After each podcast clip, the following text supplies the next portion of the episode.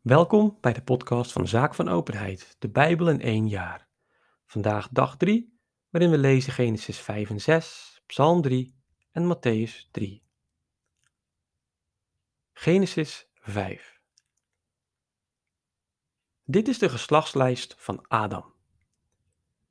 Toen God de mens schiep, maakte hij hem op God gelijkend. Man en vrouw schiep hij hen. En op de dag van hun schepping zegende hij hen en noemde hen mens. Adam was 130 jaar oud toen hij als zijn beeld, op zich gelijkend, een zoon verwekte, wien hij de naam Seth gaf. En Adam leefde, nadat hij Seth verwekt had, nog 800 jaar en verwekte zonen en dochters. Heel de levensduur van Adam was 930 jaar en hij stierf. Seth was 105 jaar oud toen hij Enos verwekte. En Seth leefde, nadat hij Enos verwekt had, nog 807 jaar en verwekte zonen en dochters. Heel de levensduur van Seth was 912 jaar en hij stierf. Enos was 90 jaar oud toen hij Kainin verwekte. En Enos leefde nadat hij Kainan verwekt had nog 815 jaar en verwekte zonen en dochters. Heel de levensduur van Enos was 905 jaar en hij stierf. Kainan was 70 jaar oud toen hij Malaleel verwekte. En Kainan leefde, nadat hij Malaleel verwekt had, nog 840 jaar en verwekte zonen en dochters. Heel de levensduur van Kainan was 910 jaar en hij stierf. Malaleel was 65 jaar oud toen hij Jared verwekte. En Malaleel leefde, nadat hij Jared verwekt had, nog 830 jaar en verwekte zonen en dochters.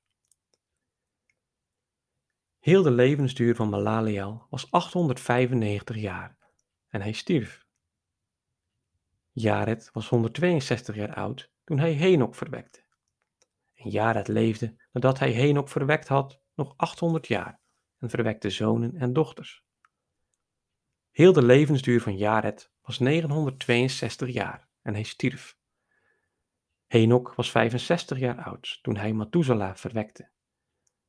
Henok leefde vertrouwelijk met God. En hij leefde, nadat hij Methuselah verwekt had, nog 300 jaar en verwekte zonen en dochters.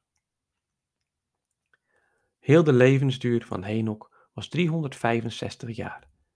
En omdat Henok vertrouwelijk met God had geleefd, nam God hem weg en men vond hem niet meer. Methuselah was 187 jaar oud toen hij Lamek verwekte. En Methuselah leefde, nadat hij Lamek verwekt had, nog 782 jaar en verwekte zonen en dochters. Heel de levensduur van Methuselah was 969 jaar en hij stierf. Lamek was 182 jaar oud toen hij een zoon verwekte. Hij noemde hem Noé, want hij sprak: Deze zal ons uit de bodem, die Jeweh vervloekt heeft, verkwikking verschaffen bij ons werken en zwoegen. En Lamek leefde, nadat hij Noé verwekt had, nog 595 jaar en verwekte zonen en dochters.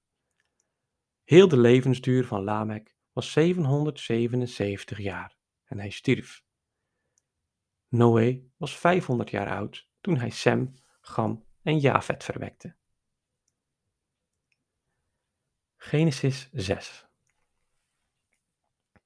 toen de mensen talrijk begonnen te worden op de oppervlakte der aarde en hun dochters werden geboren, zagen de zonen Gods hoe schoon de dochters der mensen waren, en zij namen zich zoveel vrouwen als zij maar wilden.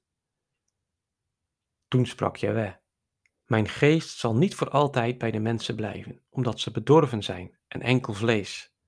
Hun tijd zal nog maar 120 jaar duren. In die dagen, toen de zonen Gods tot de dochters der mensen waren gekomen en deze hun kinderen hadden gebaard, waren er reuzen op aarde en ook nog daarna. Dat waren de krachtmensen uit de oude tijd, beruchte mannen. Toen Jaweh dan zag hoe groot op aarde het bederf onder de mensen was geworden en zij enkel maar zonnen op slechte dingen, berouwde het Jaweh dat hij de mens op aarde gemaakt had en kreeg hij er spijt van. En Jewes sprak, ik zal de mens die ik geschapen heb van de aarde verdelgen, zowel de mens als de viervoetige dieren, de kruipende dieren en de vogels in de lucht, want het spijt mij dat ik ze gemaakt heb. Maar Noé vond genade in de ogen van Jahweh. Dit is de geschiedenis van Noé. Noé was een rechtschapen man en leefde onberispelijk te midden van zijn tijdgenoten. Noé leefde vertrouwelijk met God. Noé verwekte drie zonen, Sem, Gam en Jafet. De aarde was dan bedorven geworden in de ogen van God en van ongerechtigheid vol. Toen God dus zag dat de aarde was bedorven, omdat alle mensen op aarde waren bedorven, sprak God tot Noé. Ik heb de ondergang van alle mensen besloten, omdat ze de aarde van hun ongerechtigheid hebben vervuld. Zie, ik zal ze met de aarde verdelgen. Maak nu voor u een ark van pijnhout. Verdeel die ark in vakken en bestrijk ze van binnen en buiten met pek. Zo moet ge ze maken. De ark moet 300 el lang zijn, 50 el breed en 30 el hoog. Ge moet op de ark een dak maken en 1 el hoog optrekken.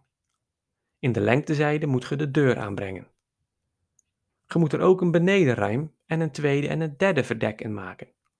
Want ik ga de zondvloedwateren over de aarde brengen, om alle schepselen met een levende geest onder de hemel te verdelgen. Al wat op aarde is, zal sterven. Maar met u zal ik mijn verbond sluiten. Gij moet de ark binnengaan, gij zelf en uw zonen, uw vrouw en de vrouwen uw zonen met u. Ook moet ge van alle levende wezens één paar in de ark brengen, om ze met u in het leven te behouden. Mannetje en wijfje moeten het zijn. En van alle verschillende soorten van vogels, van alle soorten van beesten, van alle soorten van dieren die kruipen over de aarde, van alles zal er één paar tot u komen om het in leven te blijven. Ge moet u ook van alle eetbare spijzen voorzien en die meenemen om u en hun tot voedsel te dienen. Noé deed het. Hij deed al wat God hem gebood. Psalm 3 Een psalm van David bij zijn vlucht voor zijn zoon Absalom. Jaweh, hoe talrijk zijn mijn belagers, hoe talrijk die tegen mij opstaan. Hoe velen die van mij zeggen, voor hem geen heil bij zijn God. Toch zijt gij, Jaweh, het schild dat mij dekt, mijn glorie en trots. Ik behoef maar tot Jaweh te roepen, dan verhoort hij mij van zijn heilige berg. Ik leg mij neer, slaap rustig in, ontwaak, want Jaweh beschut mij. Zo vrees ik de duizenden niet, die van alle kant mij omringen. Sta op dan, Jaweh, red mij, mijn God. Want gij slaat al mijn vijanden in het gezicht, stoot de bozen hun tanden stuk. Bij u, Jaweh, is redding. Op uw volk rust uw zegen. Matthäus 3 In die dagen trad Johannes de Doper op en preekte in de woestijn van Judea. Hij sprak, bekeert u, want het rijk der hemelen is nabij. Welnu, deze is het van wie de profeet Isaïas gesproken heeft toen hij zeide, de stem van een roepende in de woestijn, bereid de weg des Heren, maakt recht zijn paden. Deze Johannes droeg een kemelharen mantel en een leren heupkleed om zijn lenden. Zijn voedsel bestond uit sprinkhanen en wilde honing. Toen liep Jeruzalem en heel Judea en de ganse Jordaanstreek tot hem uit. En terwijl ze hun zonden beleden, lieten ze zich door hem dopen in de Jordaan. Toen hij echter ook vele fariseeën en sadduceeën om zijn doopsel zag komen, zei hij hun, Adderenbloed, wie heeft u geleerd de komende wraak te ontvluchten? Brengt dus waardige vruchten van boetvaardigheid voort en doet niet alsof gij denkt bij uzelf, we hebben Abraham tot vader. Want ik zeg u, dat God de macht heeft om uit deze stenen voor Abraham kinderen te verwekken. Reeds ligt de bijl aan de wortel der bomen. Iedere boom die geen goede vruchten draagt, zal omgehouden worden en in het vuur geworpen. Ik doop u met water ter bekering, maar die na mij zal komen is machtiger dan ik, en ik ben niet waardig hem zijn schoeisel aan te dragen. Hij zal u dopen met de Heilige Geest en met vuur. Hij heeft zijn ban in de hand en hij zal zijn dorsvloer zuiveren, de tarwe verzamelen in de schuur, maar het kaf verbranden in onuitblusbaar vuur. Nu kwam ook Jezus van Galilea naar de Jordaan tot Johannes, om zich door hem te laten dopen. Maar Johannes verzette er zich tegen en sprak: Ik moet gedoopt worden door u, en gij komt tot mij? Jezus antwoordde hem: Laat het nu toe, want zo betaamt het ons alle gerechtigheid te vervullen. Toen liet hij hem toe. Nadat Jezus de doop had ontvangen, steeg hij onmiddellijk uit het water. En zie, de hemelen openden zich, en hij zag den geest Gods als een duif nederdalen en over zich komen. En zie, een stem uit de hemel sprak: Deze is mijn beminde zoon, in wien ik mijn welbehagen heb. Tot zover het woord van God. Deo gratias.